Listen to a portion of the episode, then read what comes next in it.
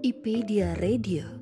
Ini adalah tentang rasa, asa, dan hasrat, mengupas dari sisi yang berbeda, menghadirkan pilihan untuk bisa bersikap, memahami, dan menghargai, mengkritisi tanpa menghakimi.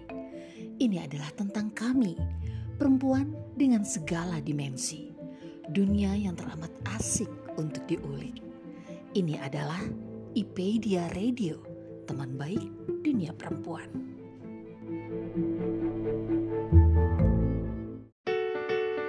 Perempuan dan dunianya, banyak hal menarik untuk diulik, segala hal tentang dirinya dan juga tentang dunianya.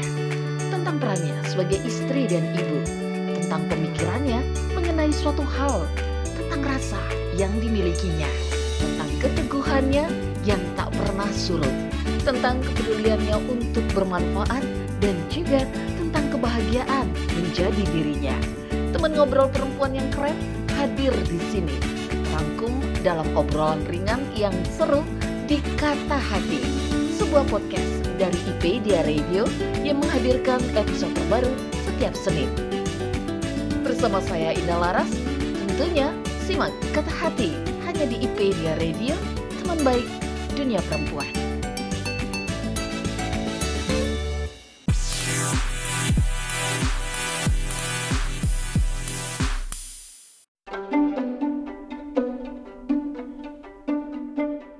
Halo teman baik Wikipedia Radio, saya Indah Laras kembali hadir di Kata Hati. Teman baik, kasus HIV AIDS di dunia ini dari tahun ke tahun terus meningkat. Berita yang saya sadur dari kompas.com menyatakan, berdasarkan data UNAIDS diperkirakan di tahun 2020 ada 38 juta orang di seluruh dunia yang positif terinfeksi HIV dan sebanyak 20,1 juta jiwa adalah anak perempuan dan wanita dewasa. Mirisnya, banyak dari kita yang belum mendapatkan informasi yang benar tentang virus ini, sehingga sering kali memunculkan banyak stigma dan juga pandangan negatif. Teman-teman Oda, orang dengan HIV AIDS, akhirnya menjadi kelompok yang terpinggirkan dan bahkan ditolak oleh keluarga mereka sendiri. Kepedulian untuk merangkul mereka – memberikan mereka tempat untuk tinggal, untuk berteduh, dan juga menjamin mereka mendapatkan pelayanan kesehatan. Tentu saja ini bukan sebuah pekerjaan ringan, karena tantangan itu berat sekali di tengah kebutaan banyak orang mengenai informasi yang benar tentang HIV/AIDS dan Maria Magdalena atau yang biasa dikenal dengan Mama Lena kali ini di Kata Hati edisi untuk kali ini membagikan kisahnya membangun rumah Aira sebuah rumah singgah untuk para oda orang dengan HIV AIDS. Kita ikuti yuk kisahnya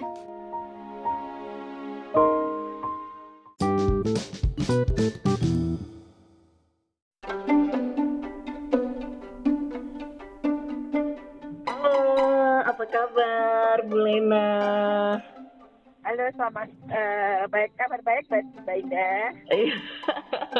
Saya senang sekali sehat-sehat selalu ya Bu Lena. Sehat banget puji Tuhan. Alhamdulillah. Luar biasa ya. iya kalau misalnya melihat dan juga uh, diketahui Bu Lena ini kan sibuk luar biasa juga mengurus sendirian rumah singgah untuk para oda. Nah ini uh, jadi menarik untuk saya, untuk kita juga nih teman baik, untuk tahu apa sih yang dikerjakan oleh seorang Maria Magdalena atau biasa uh, banyak orang memanggil dengan Mama Lena ya. Iya. wanita yang luar biasa, wanita yang inspiratif banget dan jadi pengen tahu nih uh, saya manggilnya Mama Lena atau Bu Lena ya? Mama Lena aja. Mama Lena Mama aja Lena. ya. Oke, okay. Mama Lena jadi pengen tahu nih sebenarnya apa ya alasan terbesar mendirikan rumah Aira, rumah singgah untuk para oda orang dengan HIV/AIDS ini, Mama Lena. Uh, rumah Aira saya dirikan itu pada awalnya saya terharu dengan ada beberapa anak yang meninggal anak dengan HIV maksud saya mm -hmm. waktu itu Terus uh, semakin dalam perjalanan saya waktu itu uh, mengenal anak dengan HIV, wanita dengan HIV, terus saya sosialisasi, uh, membantu sosialisasi teman saya yang dari PKBI itu, uh -huh.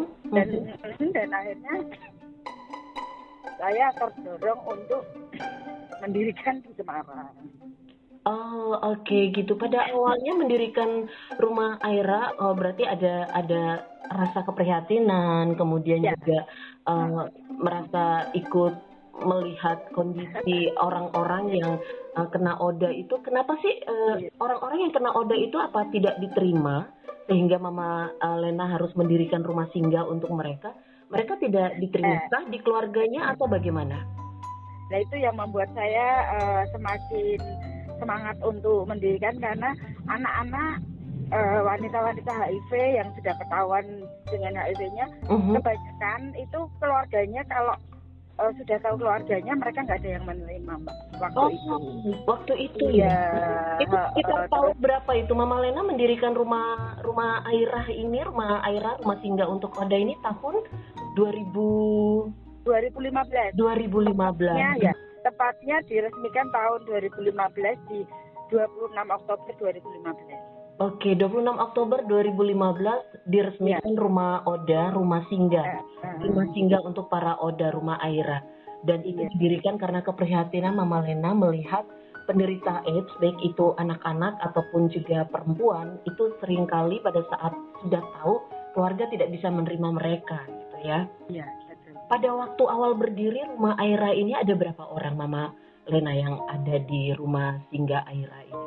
Iya, sebelum saya kontrak itu di tahun 2012 akhir uh -huh. itu saya sudah mulai apa membantu uh, untuk di event-event saya yang di kampung tuh kampung untuk sosialisasi teman-teman PKBI Kota Semarang itu uh, dari akhir tahun 2015 saya tadinya membantu secara pribadi gitu Mbak Indah. Jadi hmm.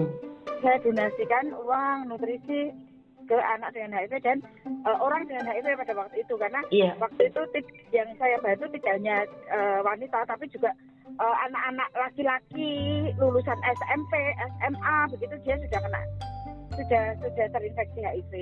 Terus tahun 2000 uh, eh, 15 itu saya nekat untuk mencari tempat ya awal tahun mm -hmm. 2015 akhirnya di Oktober itu saya dapat di uh, Jalan Kabah RT 8 RT 9 waktu itu di daerah itu tempat uh, uh, di Kelurahan Tandang Tandang Tembalang ya ya mm -hmm. uh, uh, jadi sebelum saya kontrak mm -hmm. saya merawat anak HIV yang uh, sudah stadium itu di berbagai kota ada lima yang hmm. Semua di awal tahun 2015 itu meninggal.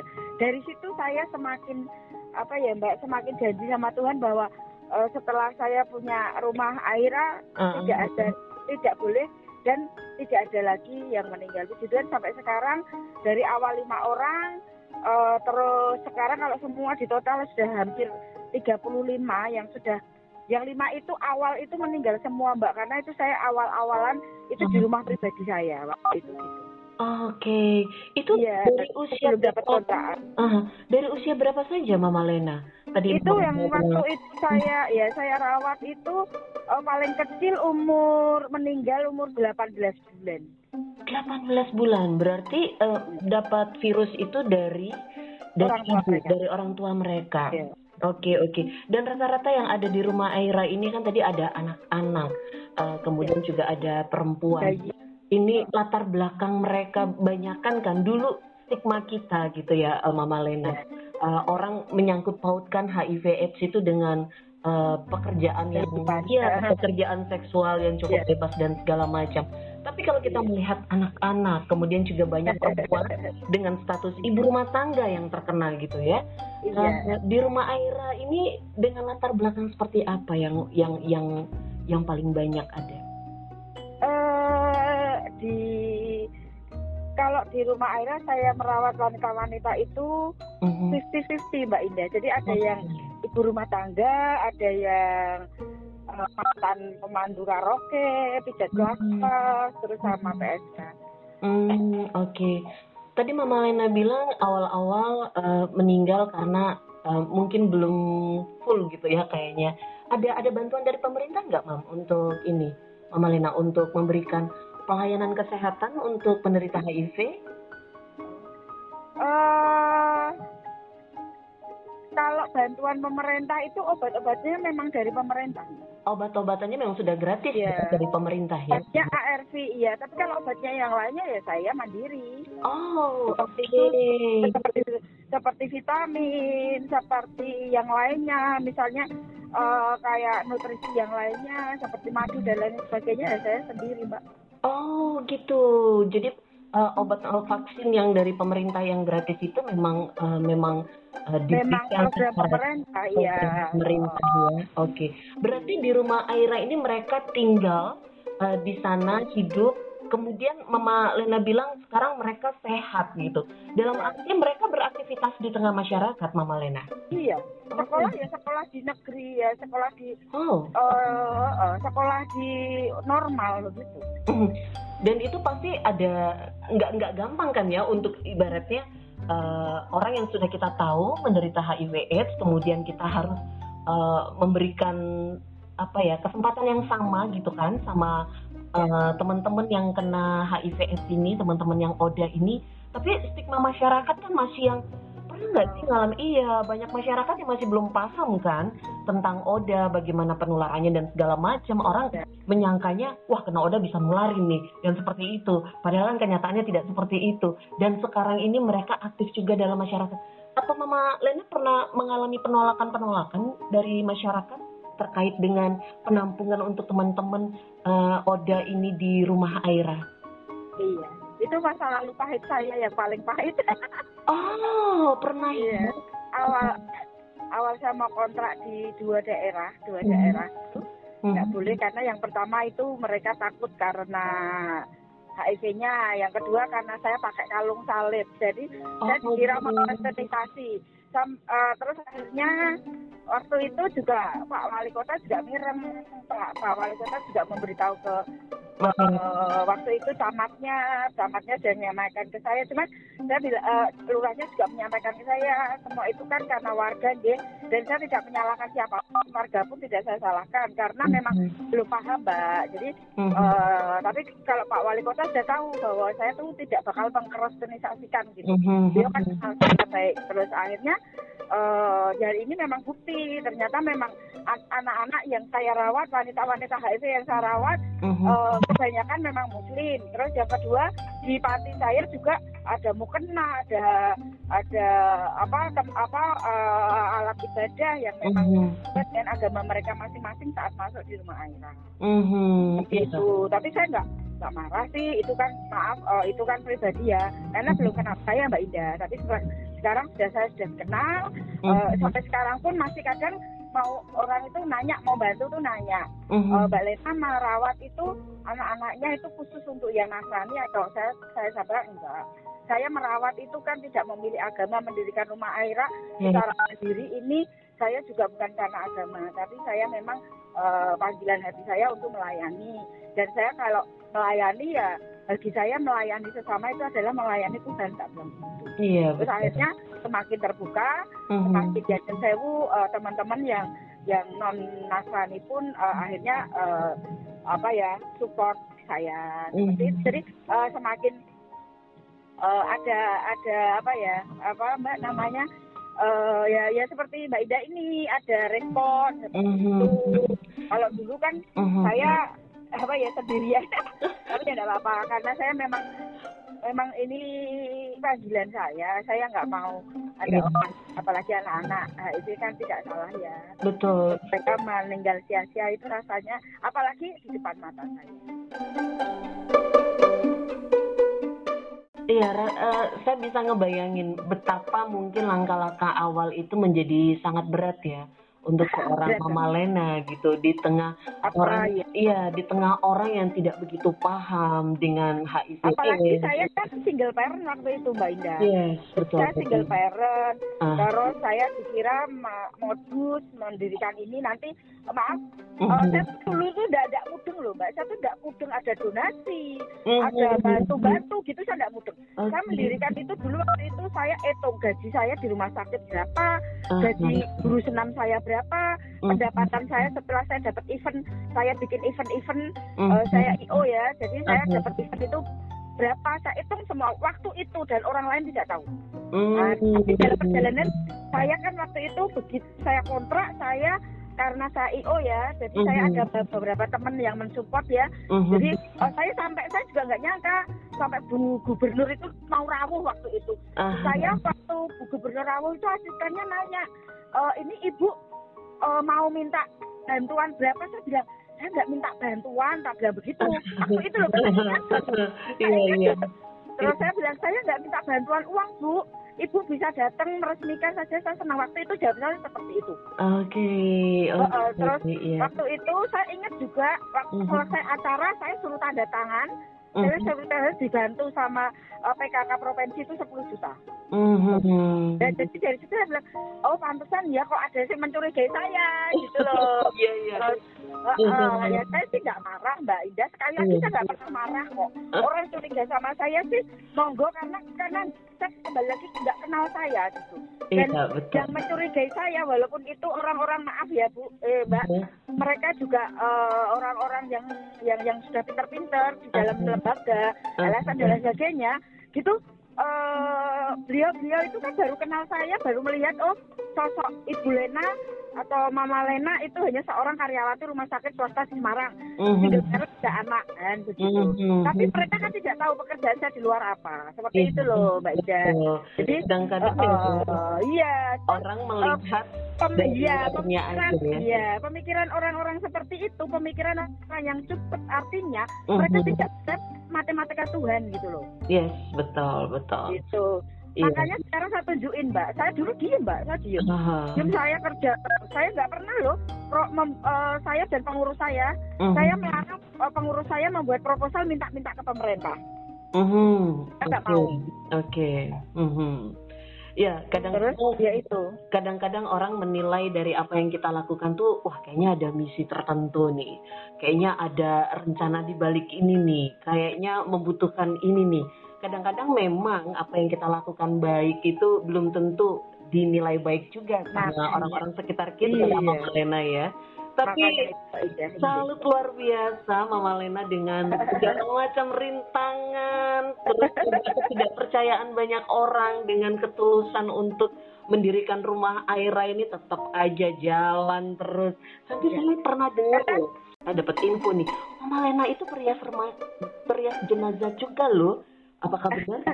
kan kalau di Katolik itu kan membantu toh mbak meninggal itu cewek kan dirias toh Ya, ha, ha, ha. Heeh. Oke, jadi berbagai macam pekerjaan dilakukan untuk mensupport rumah Aira ini. Sekarang bagaimana support dari pihak-pihak luar Mama Lena terhadap rumah Aira? Apakah eh, rumah Aira sekarang ini sudah mendapatkan donatur atau memang secara operasional masih Mama Lena yang eh, menghandle? enggak sih kalau eh, donatur sudah ada Mhm. di Tuhan itu cukup eh, apa ya ya sangat-sangat cukup lah mbak cukup Mhm. untuk ya untuk kebutuhan anak-anak ya di dalam panti maupun di luar panti susu itu Eh, saya dapat support dari teman-teman komunitas saya. Oh, oke. dengan kader Semarang dengan kader Indonesia eh, Wisdom Indonesia. Hmm. jadi eh, saya punya komunitas yang namanya Bibit Cinta. Eh, komunitas kami Demon Kiter Demon Wisdom itu eh, apa kami seluruh Indonesia mbak punya ya pekerjaan kami memang seperti itu. Oh, oke. membantu siapa saja termasuk waktu itu saya mengenal itu karena eh, dari teman dari difabel saya dikenalin oleh Ci Yoselin dari Kota Semarang. Mhm, dia ketua DC Semarang. Mhm. komunitas itu. Dari situ saya kenal kenal beliau uh, ikut kegiatannya. Dan sekarang beliau ikut kegiatan saya. Saat ini dia ada beliau juga ada di mobil saya Oh. ikut kegiatan uh, uh, setiap tiga bulan sekali Ah. saya rumah Aira itu waktu itu uh, dikeluhi sama pendamping ODA di Jepara Oh, ada oke. 24 anak dengan HIV yang Ah. kurang nutrisi susu. Oke, saya saya sanggupi, saya oke saya rumah Aira bantu dari Semarang. Mhm. Saya tujuh bulan lalu, delapan bulan lalu saya datang, saya ketemu anak-anak, anak-anak itu ada yang datang waktu itu 10, Aha. ada yang sudah gizi buruk. Terus saya sama keponakan saya yang eh, bidan di Pati Mhm.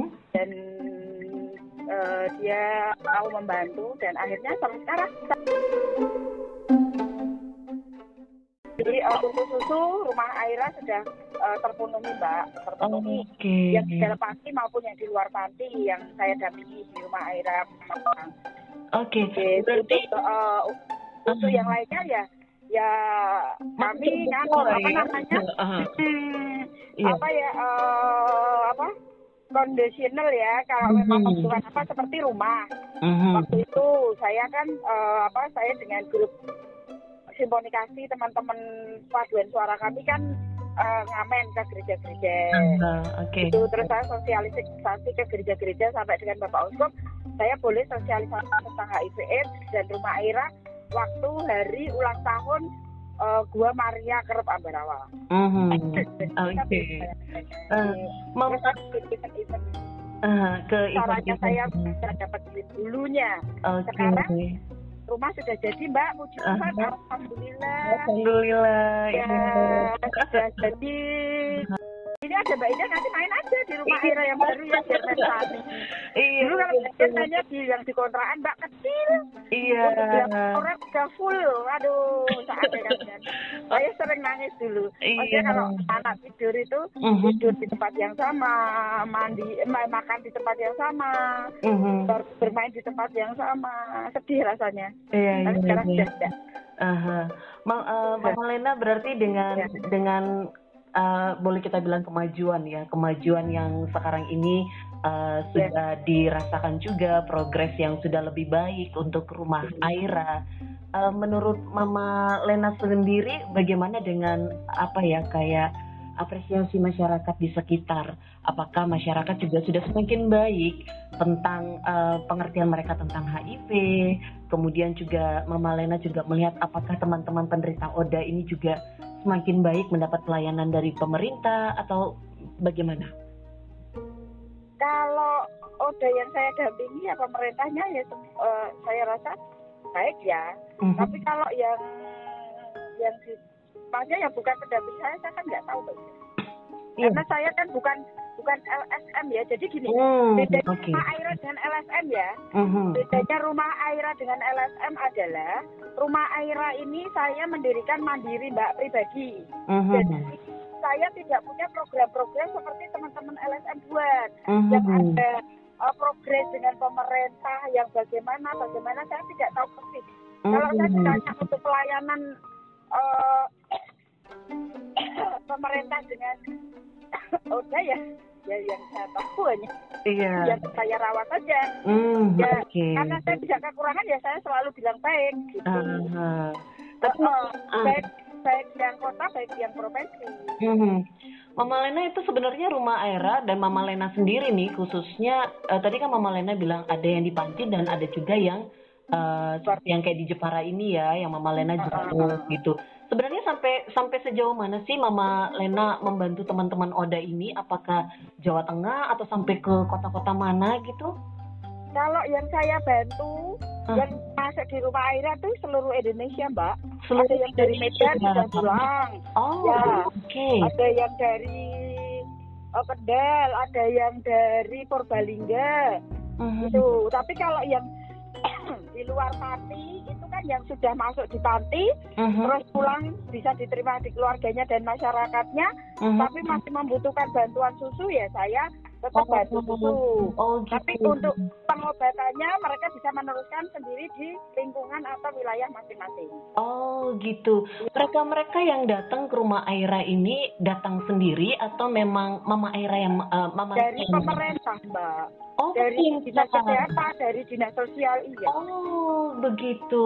Jadi memang uh, Mama Rumah Aira ini menjadi rekomendasi juga oleh pemerintah ya untuk teman-teman penderita ODA ini. Ada kasus yang sampai sekarang Mama Lena inget banget nggak sih untuk teman-teman ODA ini yang paling berkesan mungkin buat Mama Lena? Sempat Mama Lena bilang saya datang tuh ada yang dalam kondisi mereka gizi buruk, yang seperti itu.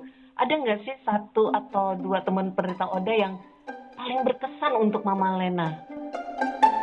Ya, ya, ya, ya saya tidak akan sebut nama. gitu. Mhm, mhm. Eh, dalam perawatan itu yang saya anehkan bahwa eh, keluar dari rumah sakit kondisi harusnya belum bisa minum, harus disonde dan lain sebagainya. Eh, tahu-tahu keluar dari rumah sakit negeri di Semarang, tahu-tahu dikirim ke rumah. Nah, itu yang waktu eh, ada ada kasihan, ada jengkel, ada sedih, ada marah. Itu. Eh, ya kesan saya waktu itu itu dengan salah satu apa ya eh, personil di harusnya dia tahu dia kerja di rumah sakit. Nah itu yang jadinya kan harusnya tahu proses untuk eh, kesembuhan, proses untuk Mhm, apa ya eh, perawatan lanjutan mhm. Oda ataupun tidak Oda keluar dari rumah sakit harus bagaimana? Seperti itu Mbak Indah Oh, dan puji Tuhan eh, Oda ini sehat sudah bisa jalan Eh, karena waktu itu ada sesuatu hal dia harus keluar dari rumah eh, dari rumah Aira. Eh, sekarang tapi masih masih sehat dan masih hidup. Oh, seperti itu. dan dibantu eh, di salah satu LSM eh, apa Oda dewasa di Solo sana. Oke, Mam- tapi masih hidup orangnya. Ah, Mama Lena, tadi eh, Mama Lena bilang ini eh, orang yang udah sehat kembali lagi ke masyarakat. Nah, sehat di sini, sehat di sini itu berarti satu ada penerimaan dari keluarga atau masyarakat, yang kedua secara Ya. fisik mereka memang sudah ini ya, maksudnya tidak tidak lemah, tidak itu ya, Mam. Berarti kalau sudah dalam eh, memenuhi syarat itu mereka akan keluar dari rumah Aira atau bagaimana? Iya. Kalau memang sudah sehat menurut saya secara medis dan keluarga menerima, masyarakat menerima, masyarakat dia ya awal Mhm. kotanya di mana, Mhm. itu saya kembalikan ke keluarga dan masyarakatnya. Oke, begitu. Eh, Tetapi yang yatim piatu, Mhm. yatim piatu dan tidak punya keluarga atau keluarganya memang tidak mau menerima, yaitu saya rawat sampai eh, dia dewasa. Eh, dan itu ada di rumah Aira. Ada. Ini tinggal tiga yang di rumah saya. Dari usia berapa mereka ada di rumah Aira, Mam? Eh, dari nol bulan ya mbak. Nol bulan. Dan keluarganya sebenarnya masih ada. Keluarganya masih ada, Oh, my God. tapi tidak mau menerima. Oh, ya Allah. Ya, kadang-kadang memang ini ya, eh, kita tidak bisa memaksa, tapi juga rasanya sangat miris untuk teman-teman penderita ODA, apalagi eh, terkena itu bisa jadi bukan karena kesalahan mereka ya, Mama Lena ya. Tapi iya. karena yang anak-anak. Iya, seperti yang Mama Lena bilang tadi, anak-anak tertular dari orang tua ataupun eh, seorang perempuan ibu rumah tangga tertular dari suami barangkali bisa jadi. Nah, hal-hal yang seperti itu kan sangat miris pada saat keluarga membuang gitu ya. Eh, yang yang yang sering yang mungkin pernah Mama Lena lihat teman-teman Oda ini yang menurut mereka paling berat mereka menjalani uh, proses ini di mananya, Mam? Apakah di melawan penyakitnya? Karena uh, kita tahu HIV virus itu vaksin itu kan lebih bukan untuk bukan menyembuhkan ya 100% tidak, tapi kayak membuat fisik mereka lebih sehat itu. Sepertinya paling berat adalah di keluarga ya untuk menerima atau masyarakat untuk menerima. Yang berat itu adalah penerimaan keluarga. Penerimaan keluarga yang merasa malu, eh, apa? Ketahuan kalau Anggota keluarganya anggota keluarganya ada yang terkena HIV, itu tadi ya.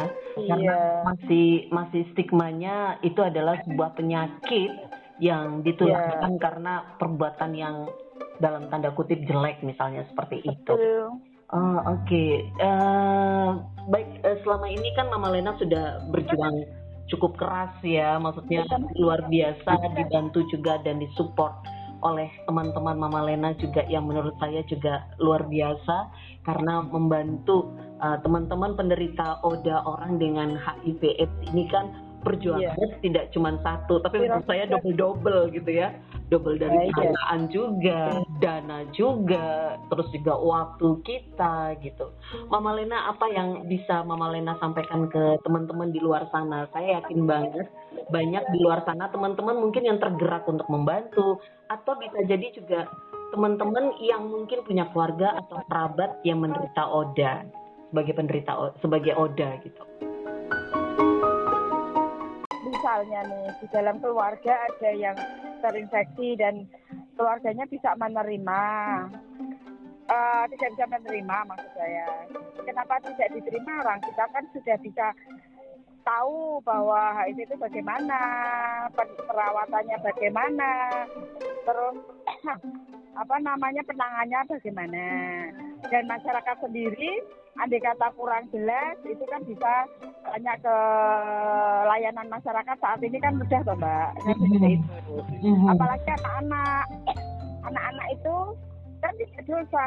Mereka terinfeksi HIV karena anak-anak itu terinfeksi HIV kan bukan karena salah mereka ya tapi kan dari orang tua mereka. Kenapa? Saya sendiri waktu itu saya ngobati anak bayi itu saya nangis loh mbak. Hmm. kasihan maksudnya Iya, iya. Mereka lahir sudah harus minum obat loh. Minum obatnya itu sehari dua kali. Uh-huh. Nah itu loh. Yang salah orang tuanya, anaknya sudah kena kan kasihan gitu loh. Uh-huh. Itu yang masyarakat harus tahu. Uh-huh. Itu. Padahal maaf, biasanya yang nggak benar kan orang tuanya nggak nggak nggak itu perempuan laki, nggak iya. perempuan perempuan apa uh, ibunya atau ayahnya gitu. Dan maksudnya gitu kan kasihan banget. Oke, okay. ya rasanya uh, memang kita perlu lebih menyadari ya, lebih menyadari dan juga lebih uh, mampu menerima teman-teman uh, di luar sana yang sebagai Oda nggak ada yang berbeda sebenarnya dengan kita dan juga tidak ada yang mau ya Mama Lena kalau kita berbicara yeah. anak-anak yang terlahir uh, dengan Odanya itu bukan sesuatu yang diinginkan banyak orang, tapi mereka-mereka ini adalah mereka-mereka yang tanpa sadar kita pinggirkan dan orang-orang seperti Mama Lena ini adalah orang-orang yang menyadarkan kita bahwa kita harus yeah. mereka bahwa mereka berhak juga untuk mendapatkan uh, kesempatan untuk dicintai, diberikan kesempatan yang sama seperti kita gitu. Siapa pun kalau mau kok ngobrol dengan saya boleh loh Mbak Indah. Iya, iya. Wanita-wanita ya. Iya, Terus uh, remaja putri, remaja putri biar nggak pada salah jalan.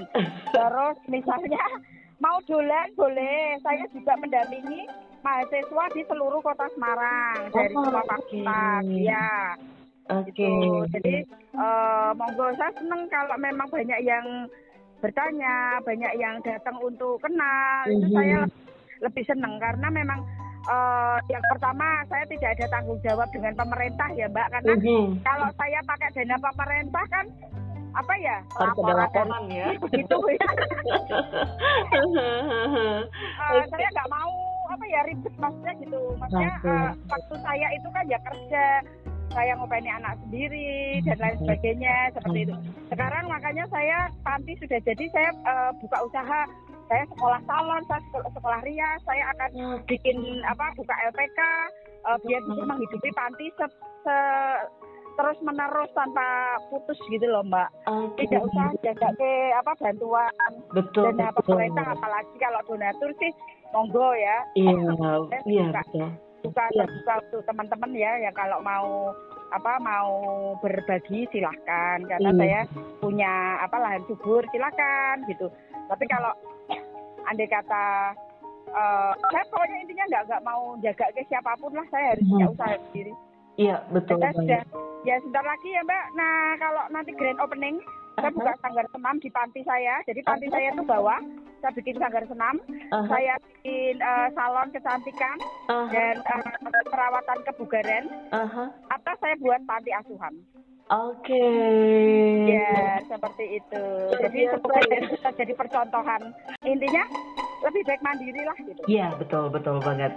Selagi lebih kita mampu, mandiri. selagi kita mampu untuk mengusahakan ya. sendiri, kenapa tidak ya Mama Lena? Betul. Luar biasa ya. Tapi setidaknya tetap membuka membuka membuka peluang untuk teman-teman yang mau apa ya berkontribusi uh, mempunyai lahan subur silahkan gitu. hmm, oh oke okay. ini peluang banget nih teman-teman untuk barangkali ada teman-teman yang ingin berbagi uh, entah itu ya. ilmu ya Mama Lena ya, boleh, kemampuan ya. teman-teman boleh saja dan ini uh, sama-sama sama-sama kita uh, saling bantu membantu untuk satu kebaikan gitu. Mama Lena sekali lagi ya. thank banget. Terima kasih sekali. Sukses terus ya. untuk rumah tangganya. Sehat terus ya Mama Lena. Amin. Ya yang penting sehat Mbak. Ya. kalau bisa sehat bisa ngapa-ngapain. Betul sekali. Sehat terus. Semoga selalu diberkahi nanti usahanya. nanti pas grand opening ya. uh -huh. aku datang grand opening Mbak Indah MC-nya ya? Oh boleh boleh boleh dengan senang hati boleh boleh Mama Lena dengan senang ya. hati ya. dengan senang hati siap siap, siap. langsung dapat orderan saya senang banget bisa bisa bisa berkontribusi walaupun sangat kecil sekali boleh boleh boleh sekali Mama Lena senang sekali ya. Mama Lena thank you banget. Terima kasih sekali untuk waktunya mau ngobrol sama saya di sini.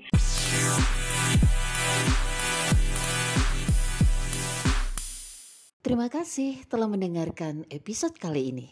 Tetap stay tune di IPedia Radio, teman baik dunia perempuan.